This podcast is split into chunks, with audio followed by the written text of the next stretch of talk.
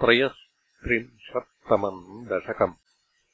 अम्बरीषोपाख्यानम् वैवस्वताख्यमनुपुत्रनभागजात नाभागनामकनरेन्द्रसुतोऽम्बरीशः। सप्तार्णवावृतमहीदयितोऽतिरेमे त्वत्सङ्गिषु त्वयि च मग्नमनाः सदैव त्वत्प्रीतये सकलमेव वितन्वतोऽस्य भक्त्यैव देव न चिरादभृथाः प्रसादम् येनास्ययाचनमुतेऽप्यभिरक्षणार्थम् चक्रम् भवान् प्रविततारसहस्रधारम्। सद्वादशीव्रतमथो भवदर्चनार्थम् वर्षम् दधौ मधुवने यमुनूपकण्ठे। पत्न्या समम् सुमनसा महतीम् वितन्वन्। पूजाम् द्विजेषु विसृजन् पशुषष्टिकोटिम् तत्राथ पारणदिने भवदर्चनान्ते दुर्वाससास्यमुनिना भवनम् प्रपेदे। भोक्तुम् मृतश्च स नृपेण परार्तिशीलो मन्दम् जगामयमुनाम् नियमान् विधास्यन्।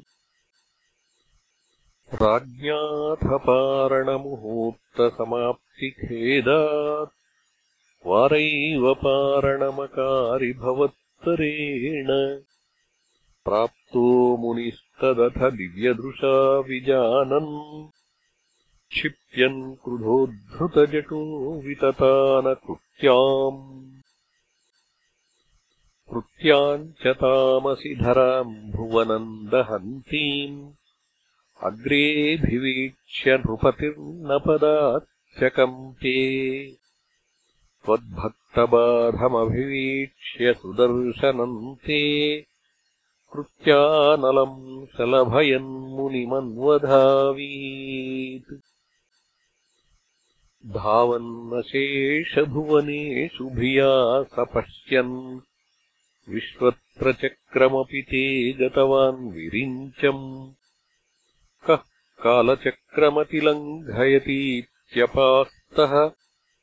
शर्वम् ययौ स च भवन्तमवन्दतैव।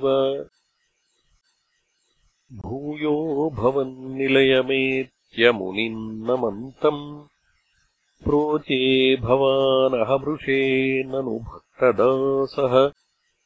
ज्ञानम् तपश्च विनयान्वितमेव मान्यम्। या ह्यम्बरीषपदमेव भजेति भूमन्। तावत्समेत्यमुनिना स गृहीतपादो राजापसृत्य भवदस्त्रमसावनौषीत् चक्रे गते मुनिरदादखिलाशिषोऽस्मै त्वद्भक्तिमागसि कृतेऽपि कृपाम् च शंसन् राजा प्रतीक्ष्य मुनिमेकसमान्मनाश्वान् सम्भोज्य साधुतमृषिम् विसृजन् प्रसन्नम् भुक्त्वा स्वयम् त्वयि ततोऽपि दृढम् रतोऽभूत् सायुज्यमाप च समाम् पवनेश आयाः